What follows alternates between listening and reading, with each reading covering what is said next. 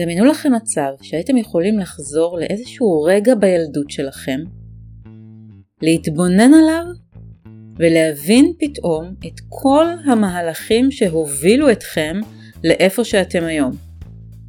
ופתאום לחוות מין סוג של הערה והבנה של הייעוד של מה שבאתם לעשות פה. אז זה מה שקרה לי בפרק הזה, בהקלטה של אה, פרק מספר 15, וזה לא מפתיע כי אתם הולכים להקשיב היום באמת לאישה שהיא אשת אשכולות. היא גם מדענית, היא גם יזמית, היא גם כירורגית פלסטית, היא פרופסור לחדשנות. היא הייתה דיקן קליני בבית ספר לרפואה בבוסטון, דיקן לשעבר לחדשנות בדרום סין, מקימת פילוסופיית יקום מקביל, ואני בטוחה שיש עוד המון המון דברים שבכלל אני לא יודעת עליה ולא אמרתי. לחיות בתפקיד הראשי, פרק 15 עם האחת והיחידה, דוקטור תמרה טילמן, אני כל כך כל כך מתרגשת מזה, ואני מזמינה אתכם לשתף, חברים, משפחה, כל מי שאתם חושבים שיקבל ערך מלהקשיב לנו. לחיות בתפקיד הראשי, פתיח ומתחילים.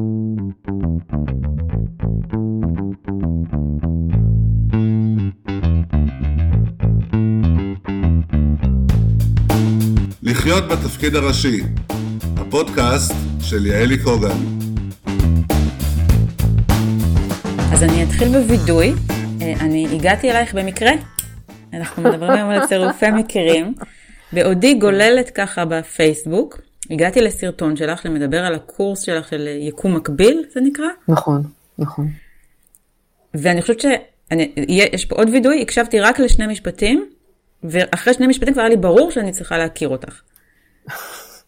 את פשוט... זריזה? כבשת את ליבי, ואז התחלתי לקרוא. לא, ואז אנחנו uh, קבענו, ו- ובכלל לא ידעתי שום דבר, רק ידעתי את השני משפטים האלה ש- שהתחברתי אליהם, ואז התחלתי לקרוא עלייך, והבנתי, אה, אמרתי תודה, תודה, תודה לאלוהי צירופי המקרים, uh, כי ממש הרגשתי שיש סוף סוף מישהו בעולם הזה, שפיתח שיטה שמסבירה דברים שאני לא ידעתי להסביר.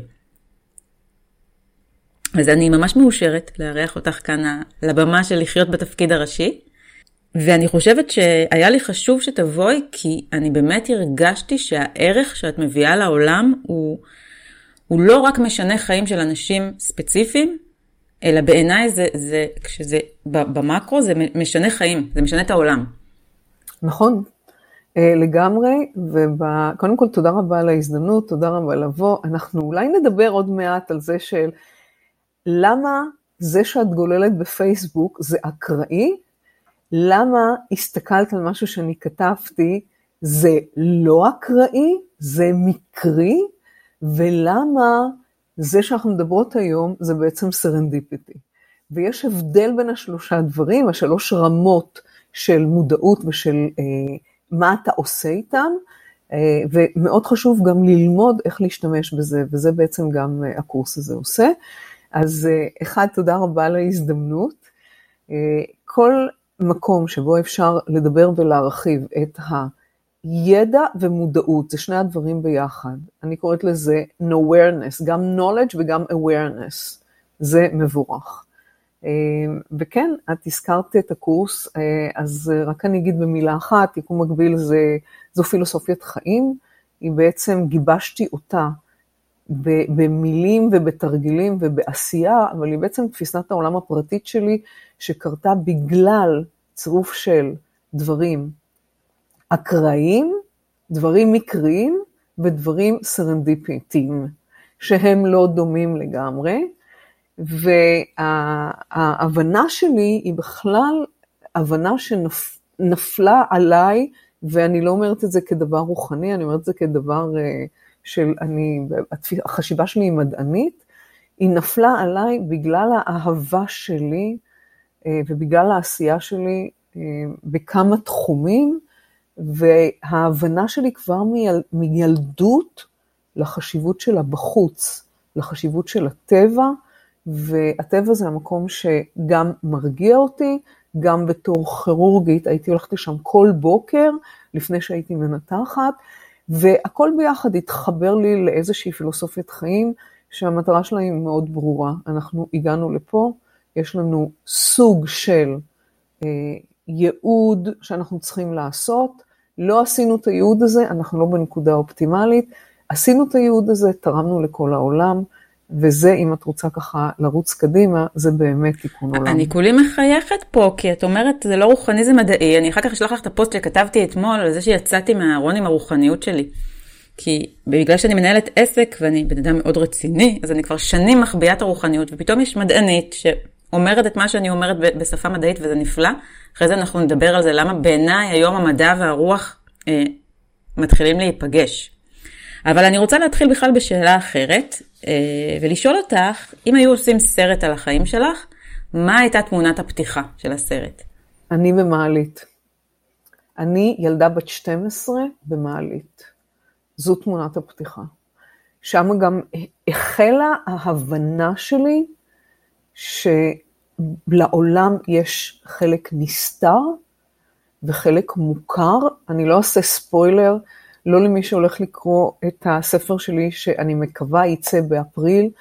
אה, מקר... אה, הספר נקרא השאלה טילמן על מקריות ולא במקרה בחיים, ולא למי שיבוא לקורס, ששם באמת השער הראשון נקרא מקריות ולא במקרה, אה, אבל התמונה הזאת של אני במעלית בגיל 12 עם שני אנשים זרים, בלי ספוילר, נקודה, רגע בחיים שלי ששינה את הכל קדימה, וכשהבנתי מה קרה במעלית, אחרי 30 שנה, זה הטיס, זה הטיס לי את החשיבה למקום אחר. אז אם צריך לעשות תמונה אחת, זו התמונה שלי עם זוג אנשים מבוגרים במעלית, אה, ואת יודעת, מדברים היום על elevator pitch, על נאום המעלית. נאום המעלית שנעשה לי היה, אני אגיד לך שכמה מילים, חמש מילים. חמש מילים ששינו לי את החיים.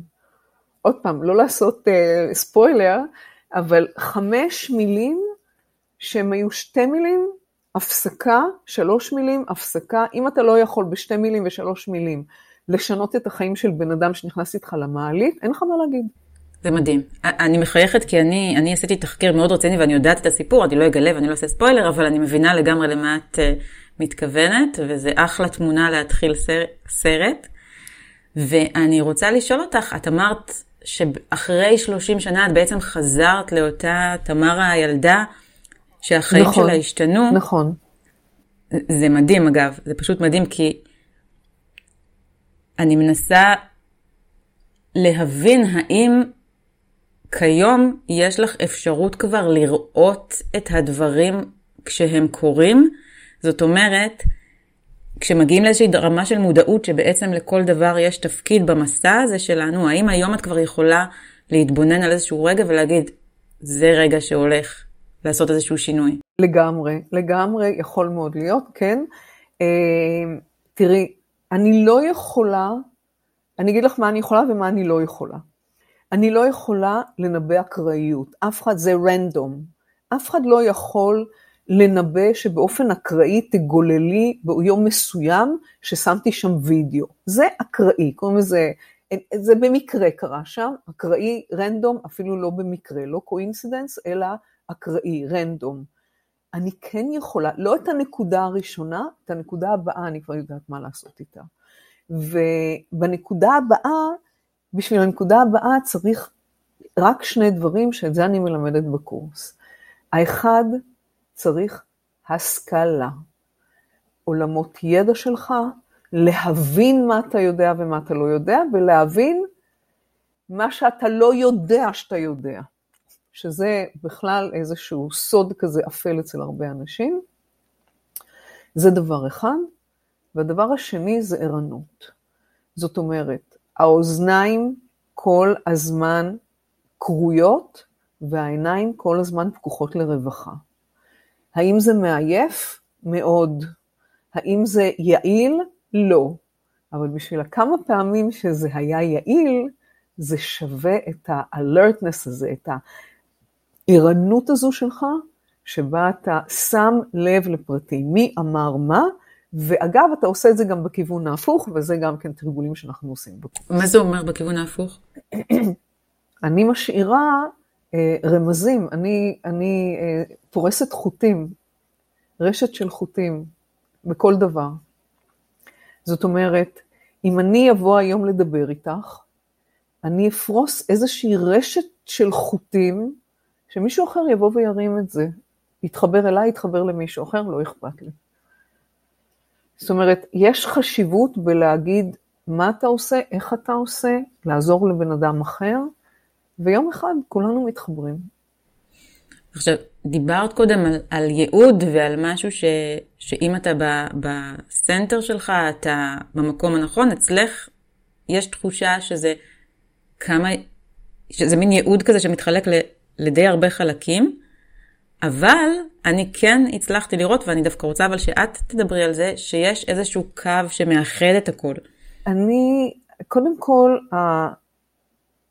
עצם זה שהייתי אישה של גם וגם וגם, וגם את אישה של גם וגם וגם, אפשר לי לראות דברים מזוויות שונות.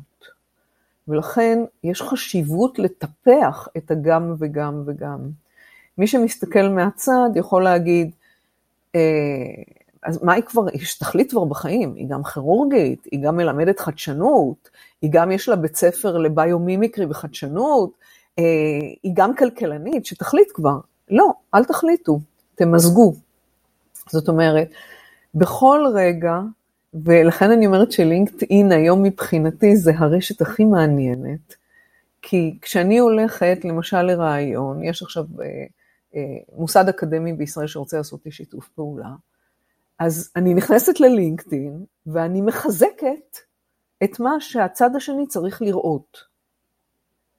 אותו הדבר בשיחה שלך, אתה בא, אתה יודע שלמישהי יש אה, רקע בתיאטרון, במחזאות, אז אני אפתיע אותה עם משהו שהיא לא ידעה, שאני חושבת שמאוד תרם לי למסע חיים שלי, וזה אני מבטיחה לך שאני הולכת להפתיע אותך, ולא ידעת. אה, אז אני רוצה שהאדם שאני באה אליו, ייקשר אליי באיזושהי, באיזשהו חוט כזה. זה חלק מה, מהתפיסה שלי, זה שכולנו בעצם קצת קשורים. כמו שיש לנו מיציליום מתחת לאדמה, שהעצים והפטריות קשורות, גם אנחנו קצת קשורים, רק אנחנו לא יודעים בדיוק איך אנחנו קשורים. אז אני רוצה לעודד את הקישור הזה. וחלק מהעניין הזה, זאת אומרת, באמת, בן אדם שבא ומסתכל מהצד, רואה כאילו הרבה מאוד חלקים שלא מתחברים, הם מתחברים אד הוק, הם מתחברים למקום שאתה צריך לחבר אותם. מתוך הידע שלי שהיה בכמה תחומים, הגעתי לחדשנות. מתוך החדשנות הגעתי לשיתוף פעולה שאני הולכת לעשות עכשיו באחת האוניברסיטאות אה, בישראל. אז למי שמסתכל מהצד, זה נראה שרשרת לא בהכרח מקושרת, למי שנמצא בפנים ומתכנן את זה, זו שרשרת מאוד מסודרת. אבל איך אפשר להסביר את זה, וזה פה באמת משהו שאני מנסה להבין בצורה שהיא לא אה, מבוססת על אמונה. אהה, כי יש פה עבודה. יש כאן עבודה. אם אני יכולה להראות לך, אני אתן לך דוגמה מה, מהקורס שלי עכשיו, בסדר? אני לא אגיד את השם, אבל היא אישה בכירה אה, בתחום אה, אה, החשבונאות, והיא יש לה גם אה, אה, תחביב שהוא תחביב של אפייה, ויש לה גם תחביב של ריצה, יש לה גם תחביב של, אה, אה, והיא גם התגרשה לפני כמה שנים, סתם דוגמה, אוקיי? עכשיו, האדם יכול ללכת ולהגיד, אה, באופן מקרי אני הלכתי ל... ללמוד אפייה, ואני אומרת, זה לא מקרי, מכיוון שאת רואת חשבון, את מאוד מדויקת בכל דבר שאת עושה, ואפייה זה דיוק, אפייה זה הכימיה, המעבדה של האוכל. וכשאני מבשלת, אני יכולה לזרוק פנימה אולי קצת יותר אה, מלח, אולי קצת יותר אה, סויה. כשאני עופה, זה מדויק. עכשיו, אם את מחברת, אם את יודעת לחבר את זה, זה לא מקרי. זה מקרי שמישהו אחרי זה יבוא ויגיד לך, למה את לא פותחת קורס, אה, למשל, של אפייה רק לרואי חשבון? למה? כי הם מבינים דיוק, זה יהיה מהיר, זאת אומרת, היכולת שלך למזג עולמות, את יכולה לחכות שזה מקרי, ייקח המון זמן. את יכולה ללמוד איך לעשות את זה, ואז זה אקסלרציה, זה, זה האצה של הרבה מאוד תהליכים בחיים. אבל זה בתנאי שיש לך ערנות ויש לך השכלה. בלי ערנות ובלי השכלה, אי אפשר למזג כלום. אני אשאל אותך עכשיו, אני עשר דקות לפני שנפגשנו, שוב, ב, לא יודעת אם זה במקרה, תכף תגידי לי, אני אקריא את זה, עלה לי ציטוט של הרב קוק שמדבר בדיוק על מה שאת אמרת עכשיו, אני חייבת להקריא את זה כי זה פשוט מגניב. הוא אומר ככה, הוא מדבר פה, זה בהקשר של הפרעת קשב, אני אגב מופרעת קשב, הוא אומר, אל ליפול לב אדם בקרבו, אם אינו יכול להשתקע בשום מקצוע מיוחד, ואפילו אם אינו יכול להעמיק ולהרחיב בעניין אחד, בשיטה אחת או בלימוד אחד. כי לפעמים יש את תכונתו המיוחדת, היא דווקא לקרב רחוקים, לאחד ולכנס אותיות נפזרים, וישמח בחלקו. שזה בדיוק התחבר לי לזה ש... זה מתחבר, מתחבר לגמרי, ואני אתן לך דוגמה מאחת הבנות שהייתה אצלי בקורס, היום היא מנטורית לאנשי קשב. אה, ואיך זה מתחבר? ו, וקודם כל, אל יפול ליבך, כולנו היום אנשי קשב. אנחנו נמצאים בעידן שבו, תסלחי לי, אני מצטערת להגיד לך, אני ממש ממש מתנצלת, את לא מיוחדת. כולם היום מופרעי קשב, כולם היום מופרעי קשב. כאילו נכנסנו ל- לקרוא משהו בעיתון, 30 שניות, לא תפס את הראש שלנו, אנחנו עפים למקום אחר. איזה 30 שניות? שלוש שניות. אנחנו כולנו היום בעידן של הפרעת קשב ופומו. הפרעת קשב ופומו. את שם את שניהם ביחד, אנחנו מוטרפים. כולנו מוטרפים. אז קודם כל, כותב את זה הרב קוק לפני מאות שנים, והוא כותב את זה בעידן של העידן האומניפוטנטי. מה זה העידן האומניפוטנטי? חיו אנשים, בדרך כלל הם אנשים עד היום עם זיכרון פנומנלי, שיכלו להתרכז וללמוד כמה וכמה דברים. תסתכלי על מיקל אנג'לו, אומניפוטנטי. תסתכלי על רוב האנשים, גלילאו גלילי, אומניפוטנטי, גם מתמטיקאי, גם uh, מדען, גם איש טכני, מהנדס, יודע איך לבדוק, לסדר את הטלסקופ. אז האומניפוטנטיות לא עברה מן העולם. זאת אומרת, היא קיימת, היא עד היום קיימת. בדרך כלל, אני אומרת עוד פעם, אה, זה אנשים עם זיכרון פנומנלי. אני, אין לי זיכרון פנומנלי, אני אדם מאוד רגיל ביכולות שלו ובזיכרונות שלו, ורפואה שלמדתי היה לי מאוד מאוד קשה, כי זה הרבה מתוך זה, זה ללמוד בעל פה. אבל עכשיו אני אראה לך איך דרך הרפואה, דרך סיפור שלי, ותכף דרך הסיפור של אה, מישהי שעשתה אצלי את הקורס, יעל שובל, איך הדברים האלה מסתדרים. אז האנשים שהם לא מומחים במשהו אחד, למשל לא קיבלתי זיכרון טוב, יש להם משהו אחר שהם מומחים, שזה קומפנסציה על זה. לדוגמה, יש לי אינטואיציה מטורפת. ייכנס מישהו דרך הדלת, אני יודעת לפי ההליכה שלו, אם יש לו דלקת של הלבלב, רק לפי ההליכה שלו. למה?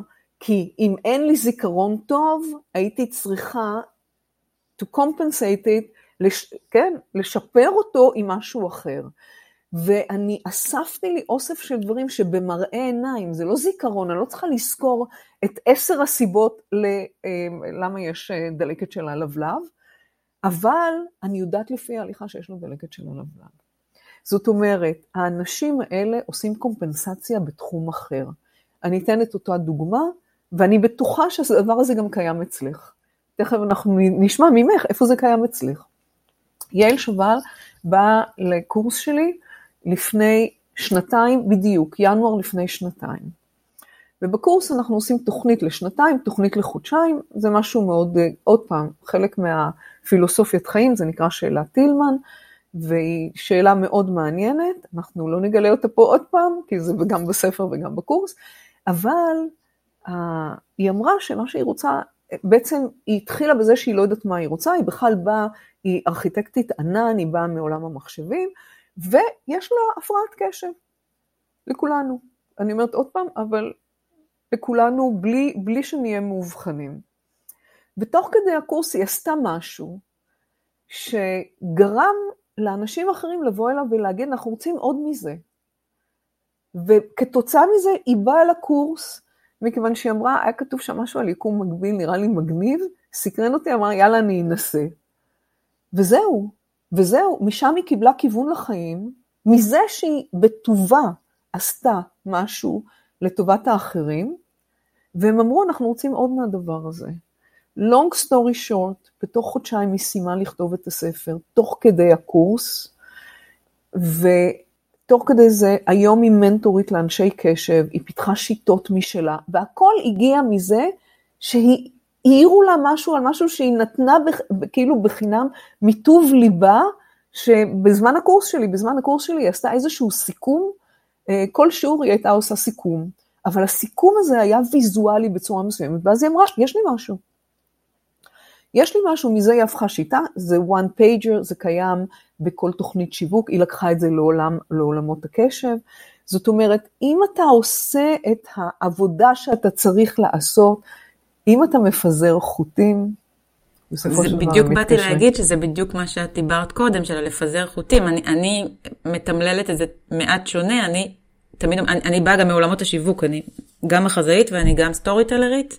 אה, אני כותבת אה, אה, תוכן, ואני שמתי לב שזה, השיטה שלי תמיד עובדת, זה באמת פשוט לתת ערך. ולתת ידע ולא לבקש כלום. גם אנרגטית בעיניי זה עובד, כי ברגע שאני פשוט מעניקה, מעניקה, מעניקה מהידע שלי, אוטומטית אה, אה, דברים קורים.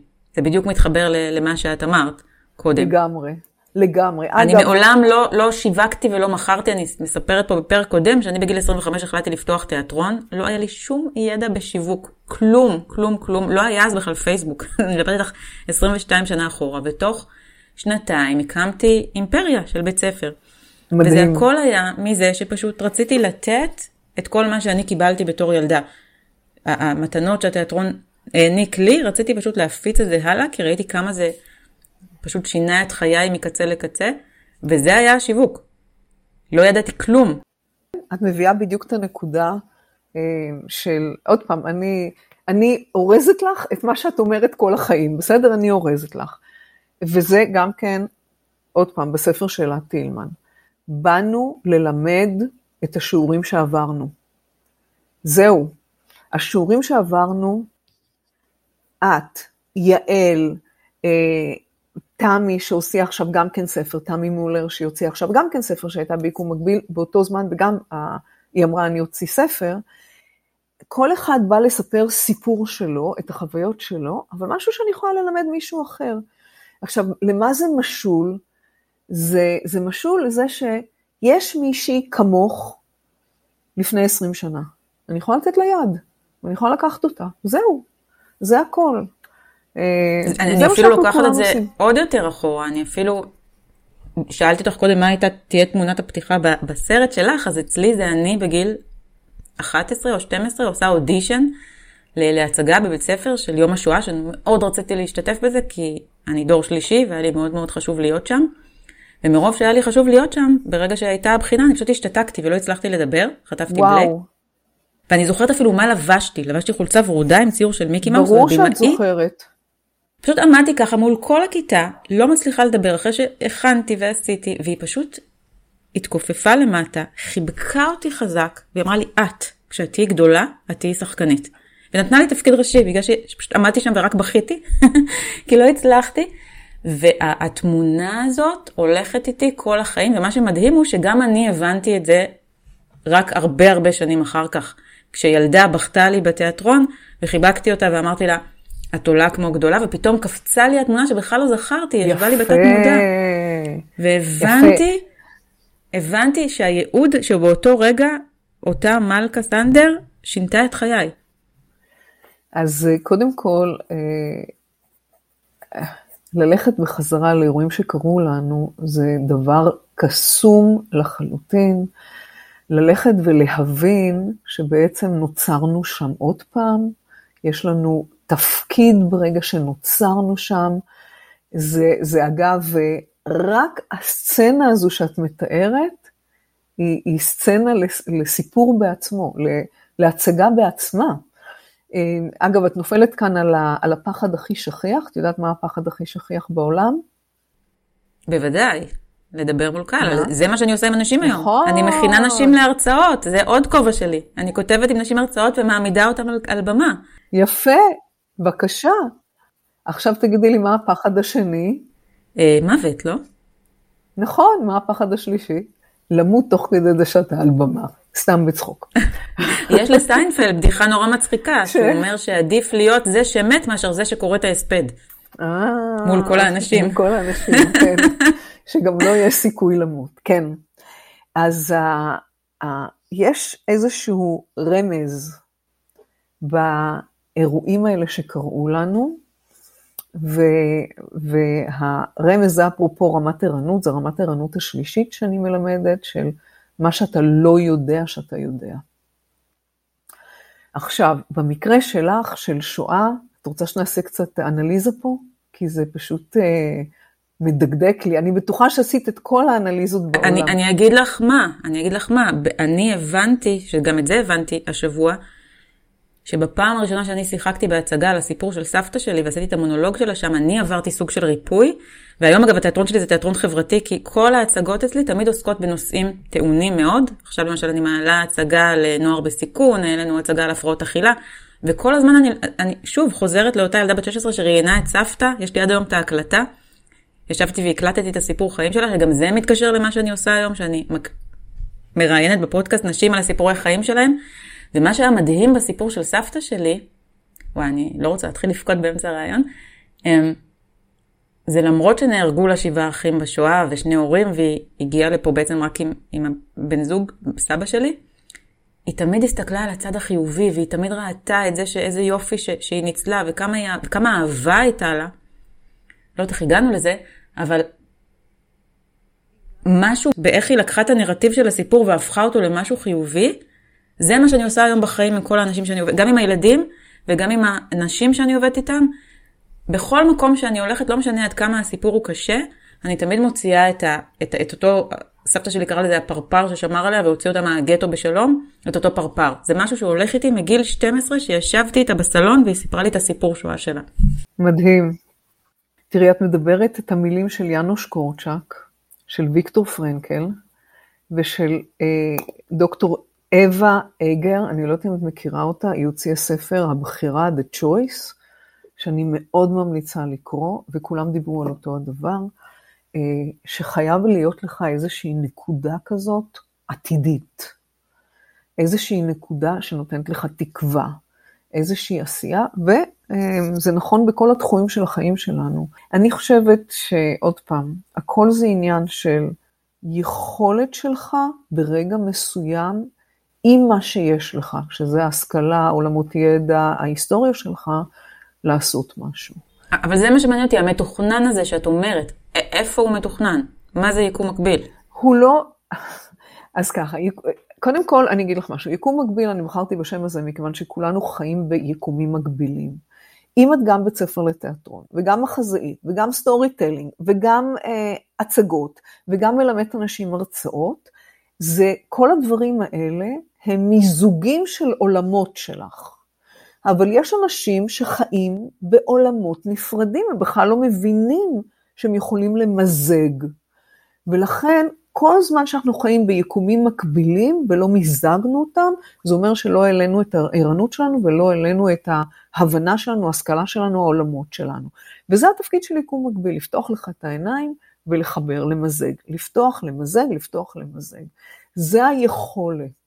אני ביום הראשון שלי של ההתמחות בכירורגיה פלסטית, מיזגתי עולמות אחרים, בכלל את העולם שלי של הכלכלה, של uh, לעבוד תקופה מסוימת בכל מיני חברות, יחד עם הרפואה, בשנייה אחת שממנה יצא דוקטורט אחרי, אני כבר לא זוכרת כמה שנים, אני הייתי אומרת, בין שבע לעשר שנים אני, אני צריכה לעצור כדי לעשות את החישוב.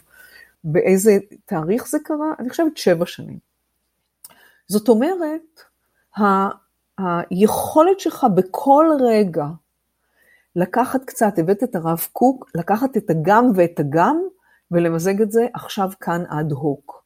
אני הולכת למקום אחר, הגם והגם, למזג אד הוק.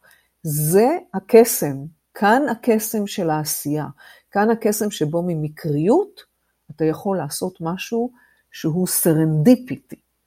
לא מקריות, במקרה בו זמנית את ה-DNA את ה-DNA המציאו את ה helix, את הסליל של ה-DNA, ההבנה של הסליל של ה-DNA, הבינו ארבעה מדענים בו זמנית.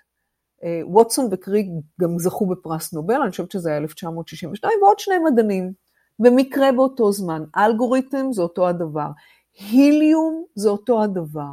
זאת אומרת, הרבה אנשים יכולים באותו זמן לעשות משהו שהוא מקרי, מתחבר ביחד.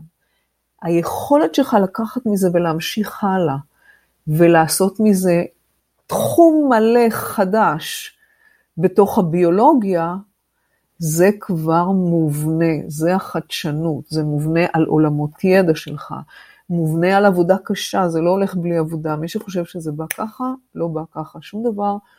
אה, זה נורא מעניין. יש לי, יש לי איזשהו פציינט, זה סיפור אה, נורא מעניין, שפציינט אה, שהיה, הוא נפגע ב, ב, בשריפה בפאב, איך זה הדברים מתגלגלים, והוא אחר כך הלך ללמוד את מה שאני למדתי, קודם כל כלכלה.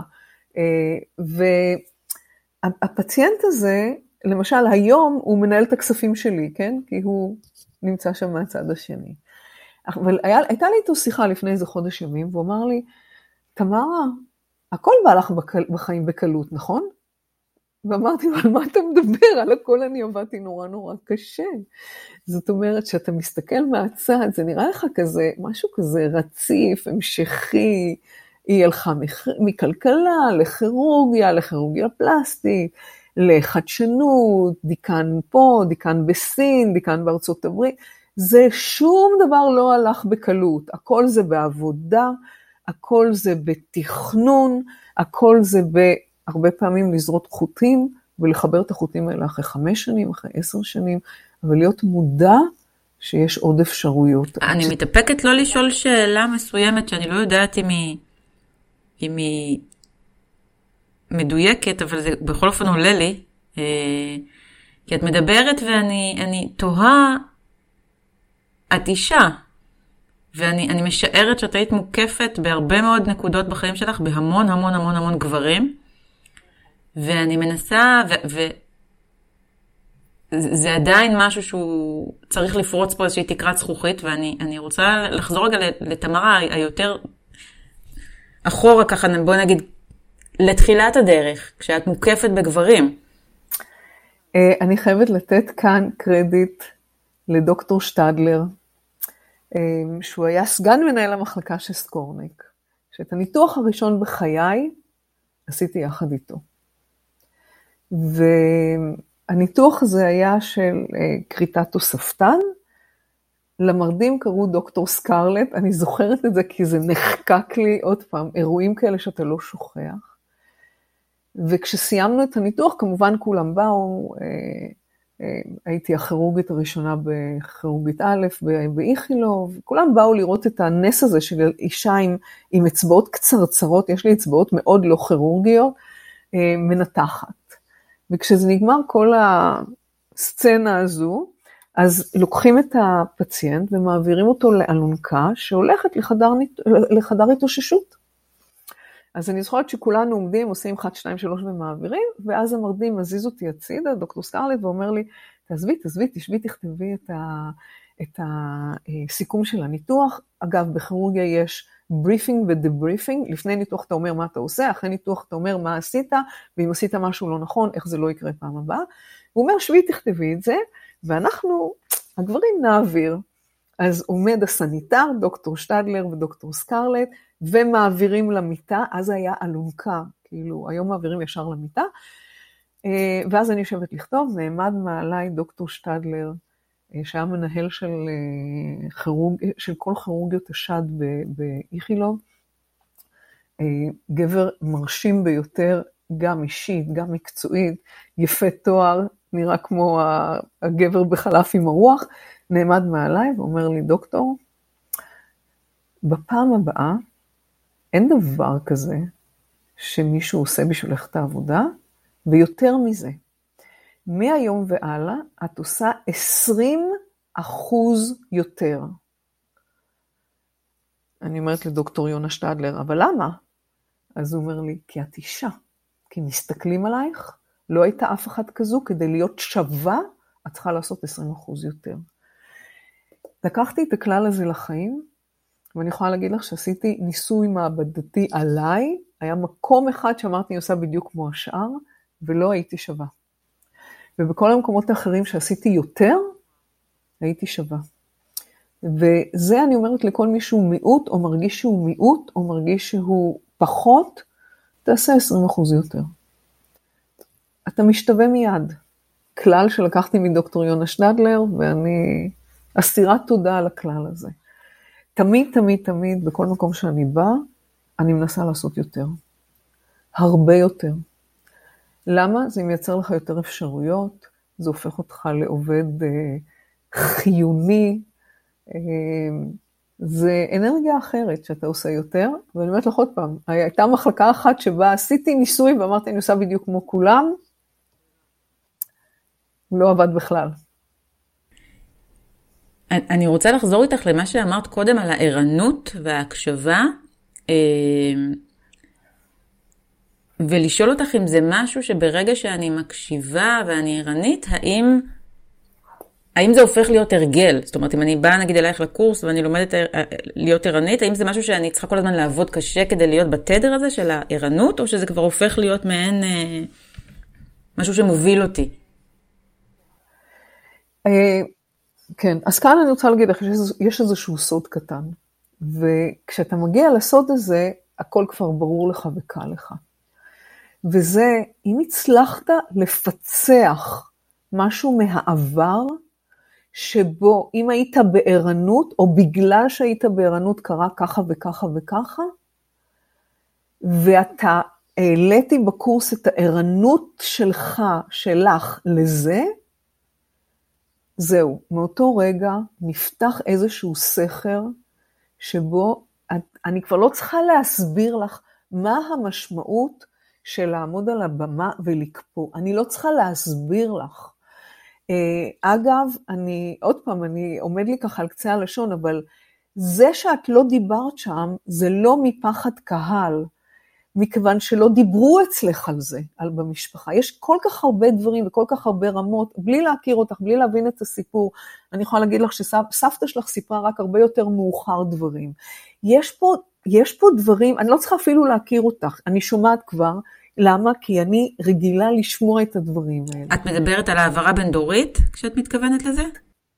אפילו, אני, זה יכול להיות העברה בין-דורית, אני לא יודעת מה זה. זה, זה, לא, זה לא גנטיקה, זה לא אפי-גנטיקה, זה משהו שאת ידעת, את ידעת אותו, אבל לא ידעת שאת יודעת אותו, שאת צריכה לשתוק. אוקיי? שלא ידעת שאת יודעת אותו. עכשיו, ברגע שלקחת איזה סיפור אחד כזה מהחיים ועשית לו, ואני לא פסיכולוגית, לא פסיכיאטרית, זה לא התחום שלי, התחום שלי זה ערנות. עשית לו העלאה של ערנות של המקרה הזה בהמון רבדים, אתה מוקסם מזה, אתה רוצה כל דבר לראות מה עוד היה שם, מה עוד קרה, למה זה קרה, לא למה זה קרה, למה, זו השאלה, לא למה. אה, את דיברת, או, או לא זוכרת אם קראתי במשהו שכתבת, או, או בר... אני כבר לא זוכרת כי כל השבוע הייתי עם, עם חומרים שלך, אבל את אומרת שמשהו שממש מרתק אותי, זה שכשאנחנו נאמנים ל, לייעוד הזה, ואנחנו בערנות ואנחנו בהקשבה, יש תגמול, אנחנו מתוגמלים על זה. נכון, נכון. אמ, אז מכיוון שבתפיסה שלי באנו לעשות, באנו להביא ערך. והערך הזה הוא קודם כל מבוסס על ידע, אם אתה רופא, על עולמות ההשכלה שלך, אם אני גם למדתי כלכלה וגם רפואה, וגם תכף מה שאני הולכת להפתיע אותך. אה, כל הדברים האלה מתחברים בסופו של דבר, והדבר הכי ברור זה תגמול כשכזה, אוקיי? למשל, אם למשל גם למדת היפנוזה, אה, רופאים ורופאי שיניים בישראל ופסיכולוגים יכולים ללמוד היפנוזה, ואני הלכתי ולמדתי את הקורס הזה, זה היה באוניברסיטת תל אביב, אז פתאום אתה יכול שיהיה לך ערך מוסף בטיפול. זאת אומרת, אני באה לילד שנכנס אליי לחדר ניתוח, נוגעת לו ביד ואני אומרת לו, לא יכאב לך כלום. הוא אומר לי, אבל את הולכת לתת לי זריקה. אני אומרת לו, לא יכאב לך כלום, אני אצבות אותך, לא יכאב לך כלום, אין לך מה לדאוג. אז אם אתה משתמש בדברים האלה, מתחיל להשתמש, אתה מעלה את הערך. אז זה מקצועי בדברים כאלה. אנשים שהם, את יודעת, יש הרבה מאוד אנשים ונשים שלא יודעות מה, מה לעשות. הם הגיעו לגיל 50, לא יודעות מה לעשות עם החיים. יש להם עוד 70 שנה. אנחנו כולנו נחיה עד גיל בין 90 ל-120. הם עברו פחות מחצי מהחיים שלהם ולא יודעות מה לעשות. הם כבר עבדו בעבודה, הילדים גדלו, אין להם מה לעשות. לכי תחפרי קצת ותמצאי במה את אלופה. אם אני שואלת אותך עכשיו, למה באים להתייעץ איתך? אז את תגידי לי משהו לא מתחום התיאטרון ולא מתחום המחזאות, תני לי דוגמה, על מה באים איתך להתייעץ אישית? איתי? כן. וואו. על משמעות, על למצוא משמעות. למצוא משמעות, בסדר. עוד דבר. אני לא יודעת לדייק, בדרך כלל דברים, השיחות איתי, בדרך כלל יש לי מין קטע מוזר כזה, שאנשים כל הזמן מדברים איתי שיחות מאוד מאוד עמוקות. זאת אומרת, אין לי שיחות חולין כמעט בכלל. גם אם אני אלך עכשיו לים עם הכלב ואני אשאל מישהו מה שלומך, הוא, הוא ישר יתחיל לספר לי סיפורים מאוד מאוד עמוקים. אין לי כמעט שיחות סרק עם אנשים. אוקיי. זאת אומרת, זאת אומרת, יש לך איזושהי תכונה, זה מה שאת לא יודעת שאת יודעת, בסדר? יש לך תכונה שאת נותנת נינוחות לאנשים מסביבך. הם נפתחים אלייך, הם מדברים איתך, הם נשארים קצת יותר ממה שצריך. זאת אומרת, זו תכונה מאוד חשובה. אה, אם את יכולה, למשל, לכמת את התכונה הזו, ולכתוב ספר, איך לתת לצד השני להרגיש שהוא שווה. זה ערך מטורף. זה מסוג הדברים של ערך שמה שאתה לא יודע שאתה יודע. ואתה יכול להגדיל את זה. כמה אנשים נמצאים בחיים שלא נעים בכלל לדבר איתם. לא נעים, אתה בא, אתה תמיד תצא בהרגשה פחות טובה ממה שנכנסת. מי שהולך איתך בים, יוצא בהרגשה יותר טובה ממה שהוא נכנס, ולכן הוא נשאר עוד קצת ועוד קצת, והופך להיות חבר, ומזמין אותך לארוחה, וכל מיני דברים אחרים. זה מעניין, כי, כי את מסבירה את זה, אני לא ידעתי להסביר את זה, אני לא הבנתי, אני לפעמים אומרת לבעלי, אני, אני לא מבינה, כאילו, והם לא מכירים אותי. אבל יש לך את התכונה הזאת של הנינוחות. את גם משדרת, אני לא פגשתי אותך פיזית, אבל כשנפגוש אותך פיזית, את גם משדרת בגוף נינוחות. את גם נותנת איזושהי הרגשה של חמימות. אם את תשימי לב מעכשיו, וכשאת תסיימי לדבר עם, עם מישהו אקראי שנשאר איתך, רק תשאלי, למה התחלת לדבר איתי? תתחילי לאסוף מידע. ופתאום יהיה לך איזה עשר טכניקות שאפשר ללמד אנשים להיות מקובלים. כמה אנשים אאוטסיידרים ישנם היום, שהיו מתים להיות מקובלים. זה מעניין שאת כל הזמן מדברת על ספר, אני כותבת עכשיו ספר, אה, שגם נקרא לחיות בתפקיד הראשי, ש, שמדבר על איך באמת, אה, כמה זה חשוב להיות ב center ובייעוד ו, ולא לתת ל, להסחות דעת, להסיט אותי מה, מהדבר שאני אוהבת. אה, וזה מעניין אותי לשאול אותך, את דיברת קודם איתי, לפני שהתחלנו את הריאיון, על, על איזשהו ריטריט כתיבה שיש לך. זה נורא נורא מעניין אותי, כי גם על זה אני אשמח שישמעו. אז לריטריט קוראים הספר הנכון, ואני אומרת את זה כי כתבתי בחיי שלושה ספרים לא נכונים, ואני מקווה שעד סוף 2023 יצאו שלושת הספרים הכן נכונים. אה, ואני רב מכר באמזון, אל תקנו את הספרים האלה, אני כבר אומרת, בבקשה, פליז, לא לקנות אותם.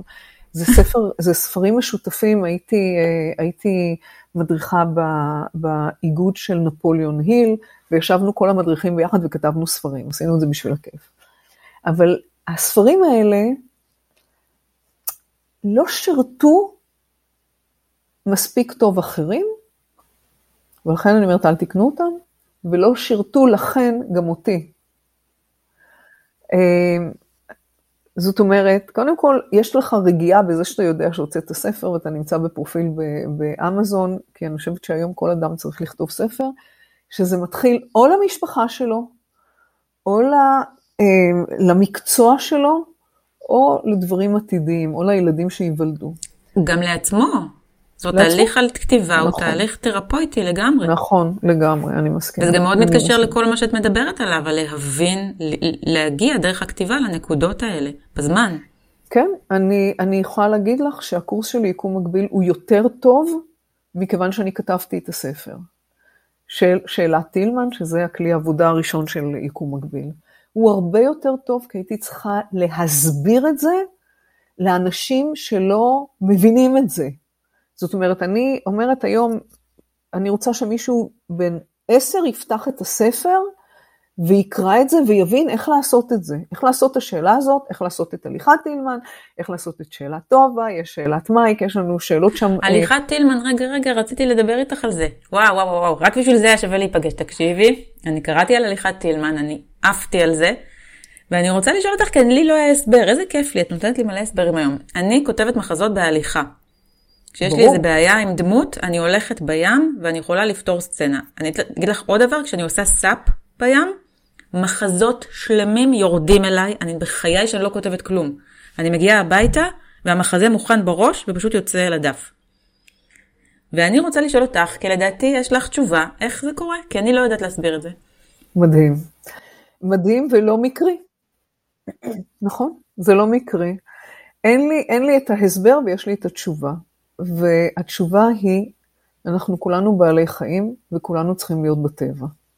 ואם אנחנו לא נמצאים בטבע, המוח שלנו לא עובד נכון. פשוט לא עובד נכון. אין דבר כזה לשבת 48 שעות ולא לצאת מהבית. אנחנו, אנחנו סגורים סביבנו בבטון. זה לא התפקוד שלנו, זה לא הגלים שלנו, ב, בים יש גלי אלפא, אני מדברת איתה רק על זה שאנחנו בעלי חיים. עכשיו, לא לחינם הסיפור שלי והשאלה טילמן קרתה במקלחת.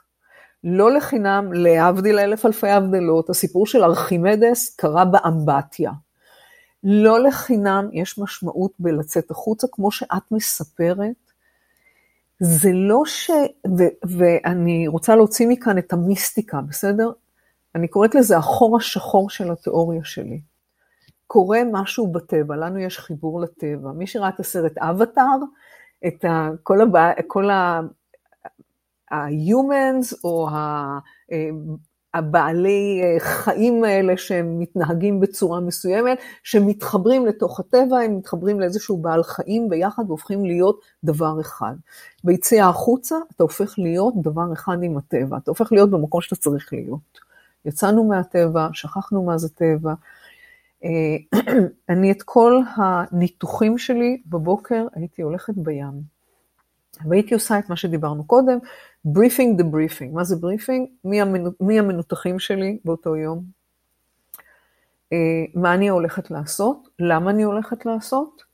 ומה יכול ללכת לא בסדר.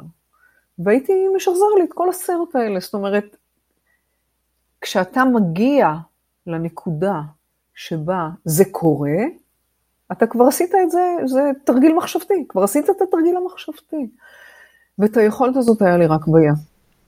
את בעצם אה, לקחת מהאינדיאנים, שהיו יוצאים, אה, שהייתה להם בעיה, היו יוצאים לטבע, מדברים עם החיות, מוצאים את התשובה וחוזרים לשבת. או, אז אני, בלי לדעת על האינדיאנים, לקחתי מזה שככה אני, מזה שזה התחיל כהתעמלות, בללכת בים, והלכתי עם המזכירה של, ה, אה, של הקליניקה, עם כוכבה, לזה שהלכתי לבד, לזה שאני הבנתי שכשאני הולכת עם מישהו אחר, ולא שלא הפסקתי ללכת, הפסקתי, המשכתי גם ללכת איתה, אבל הבנתי כשאני הולכת עם מישהו אחר, יש לי distraction.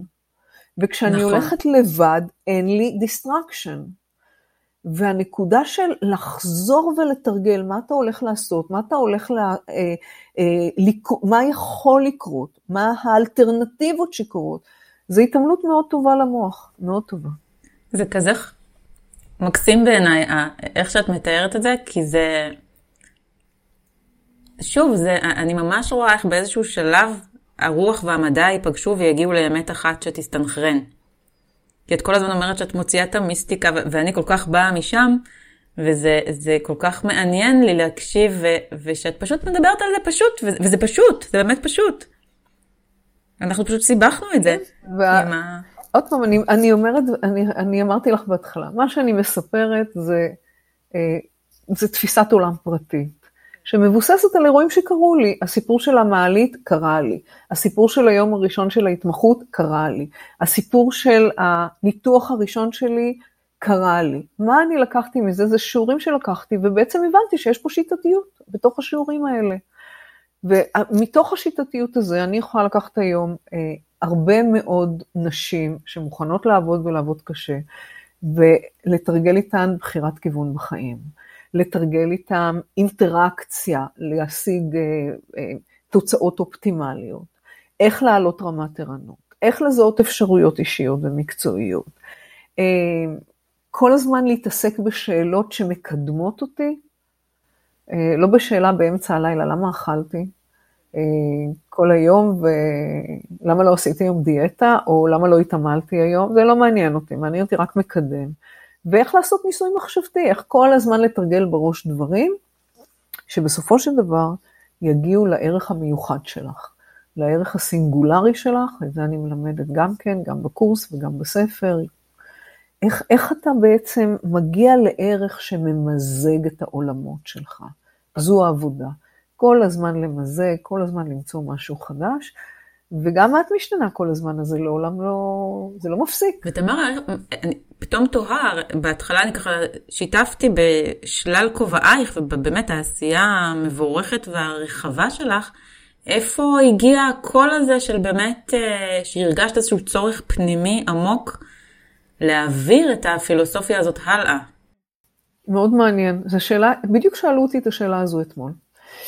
אז uh, חלק מהדברים האלה, אני הגעתי לאוניברסיטה, uh, בית ספר לרפואה, שלא היה מצליח, במושגים אמריקאים, מה זה לא מצליח? שאחוז לא מאוד גבוה של הסטודנטים, רק 74 אחוז, עבר את הבחינות החיצוניות של רפואה, וזה, וזו נקודה מאוד חשובה, כי אם לא עברת ב-75 אחוז, הבית ספר עצמו לא מקבל את היכולת לתת אה, לסטודנטים הלוואות ממשלתיות, שזה באחוז מאוד נמוך, הביאו אותי כדי להעלות את האחוז הזה. ועשיתי תוכנית, אה, ומכיוון שהפרה-קליני זה שנתיים, הקליני זה גם שנתיים, בארצות הברית, בישראל זה שש שנים ושבע שנים עם הסטאז', אה, עשיתי תוכנית לפרה-קליני, מה צריך לעשות כדי לעבור לשלב שלי, אני הייתי אחראית על השנים הקליניות. ובתוך, אה, אני תכננתי את זה לשנתיים, כי החשיבה שלי היא תמיד לשנתיים, בתוך שנה וחצי הבית ספר עובר מאחוז של 74 אחוז ל-95.5, ונשאר שם כל החמש וחצי שנים שאני שם. ואני זוכרת שבאתי וזה היה מאוד קשה בהתחלה, ואחד החברים שלי אמר לי, אז מה את עשית? ואמרתי לו, מה אני עשיתי? והוא אומר, אז למה את לא מלמדת אותנו, את החברים שלך? אז אספנו שמונה חברים ולימדתי את הקורס הראשון, ככה זה התחיל. זה חלק, זה הכל, הכל ניסויי חיים כאלה, שאורגנו לתורה, שבאמת אני חייבת את, ה, אני חייבת את זה לחברים שלי בבוסטון. ואני זוכרת שאחת מהן אה, אמרה לי, מירה אמרה לי, אבל למה את מלמדת את זה? למה את רוצה ללמד את זה? ואז אמרתי, כי שאלו אותי, אז זה אומר שאני צריכה ללמד את זה. וזה התפתח... אני אענה לך, יש לי תשובה. כי העולם צריך את זה. אז אה, זה הרבה יותר גדול ממה שאני חשבתי היום, ואני אני לגמרי. נרגשת מזה אפילו שאת אומרת את זה. כן? אה, כן, זה ממש... אה, זה... כשהתחלתי את זה לא חשבתי ברמה של ענקית כזו של תיקון עולם.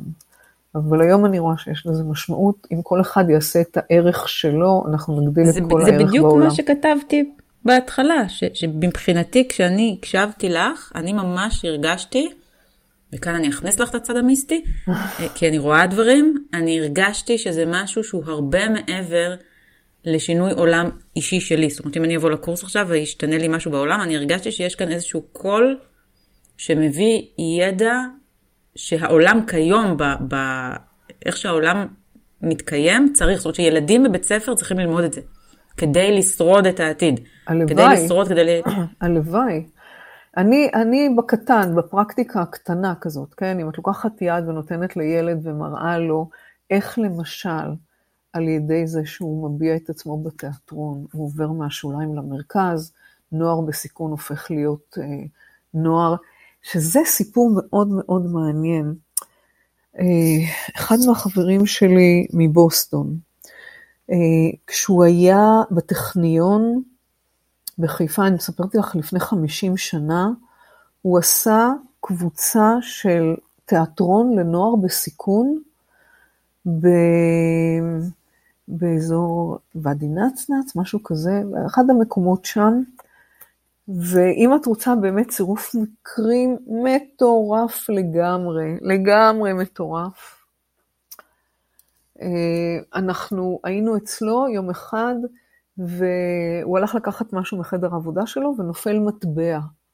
והבן שלו בא ושואל אותו, מה זה המטבע הזו? אז הוא מספר לו שכשהוא היה צעיר, כמו פרויקט פרח כזה, הוא עשה פרויקט של אה, תיאטרון לנוער כזה בסיכון בוואדי נצנה, והוא שאל אותו, נו, ואתה יודע מה קרה לכל האנשים? לא, לא הייתי איתם בקשר כבר 50 שנה. באותו לילה הוא מקבל אימייל שהחבר'ה האלה החליטו אחרי 50 שנה להיפגש, והם רוצים שהוא יבוא לישראל. שהוא יגיע.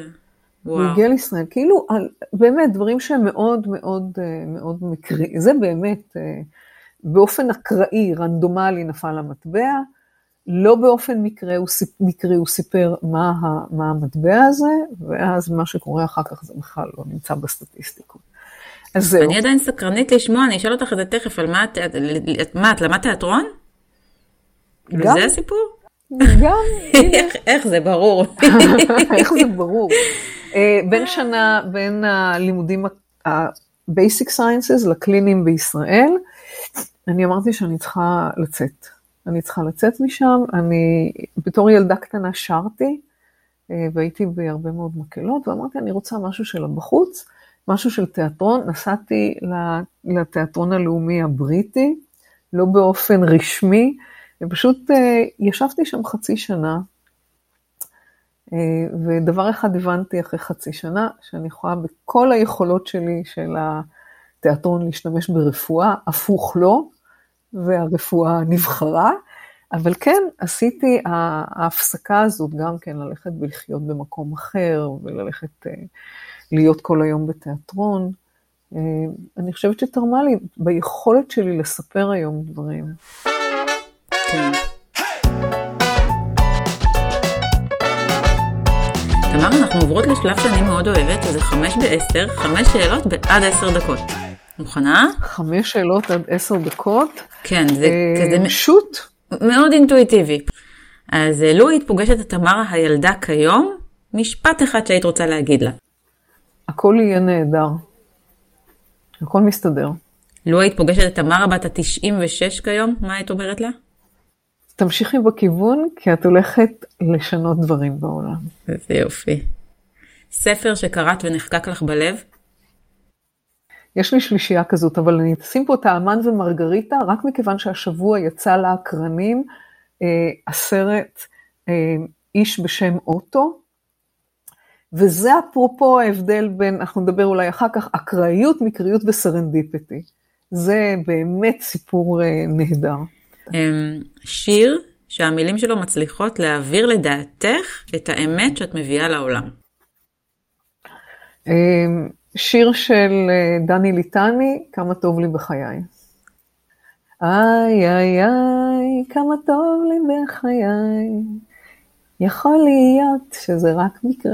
אני, אני אחפש אחרי זה את המילים ואני אוסיף בבקשה. אותם. ושאלה הבאה, שבטח יש לך על זה הרבה תשובות, אבל נתמקד באחד, מה החלום הבא שלך? אה, לגור ליד הבת. הבת שלנו, היא גרה עכשיו באמסטרדם. אנחנו גם בסיאטל, גם במיאמי וגם בתל אביב, ולא באמסטרדם. החלום הבא שלי זה לעבור לגור לידה. אני חושבת שאנחנו אה, הורים עם ילדה אחת, אה, והילדה הזו צריכה שמערכת התמיכה תהיה סביבה. בת כמה הבת שלך? היא עוד לא יודעת שהיא צריכה את זה, בת 18. אה, צעירה. כן, היא עברה ללמוד, ב... היא עברה ללמוד באמסטרדם, היא החליטה שהיא לא רוצה ללמוד בארצות הברית.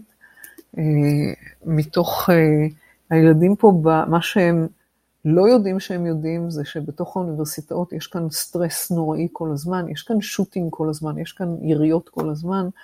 אני חושבת שבתת מודע, ועוד יותר בתת מודע, כי אני למדתי בהולנד, עשיתי את הדוקטורט השני שלי עשיתי בהולנד, אז אני חושבת שאיכשהו, את רוצה העברה בין דורית, איכשהו או בגנטיקה או באפי גנטיקה היא הבינה שהולנד זה מקום טוב, אז אני נמצאת שם עכשיו. אז אני רוצה לעבור לגור ליד הבת, או שהבת תעבור לגור לידינו. אני רוצה להגיד לך תודה רבה רבה רבה, וכבר ברור לי שאני אזמין אותך עוד פעם, אנחנו ניפגש בישראל בפרק הבא. ברור. אה, ואני אשאיר למטה אה, קישור לפרטים של הקורס של אה, יקום מקביל. ככה לכל מי שזה קרה לו כמו שזה קרה לי. תודה רבה רבה רבה, היה לי לעונג, ממש. אני, רוצ, אני רוצה לחזור ולהודות לך על ההזדמנות, כי אה, לקבל רעיון שבו, להיות ברעיון שבו האדם עבר בעצמו דברים שגם אני מספרת שעברתי בעצמי, זה, זה נעים, זה זורם, זה כיפי, אז אני מודה לך על ההזדמנות.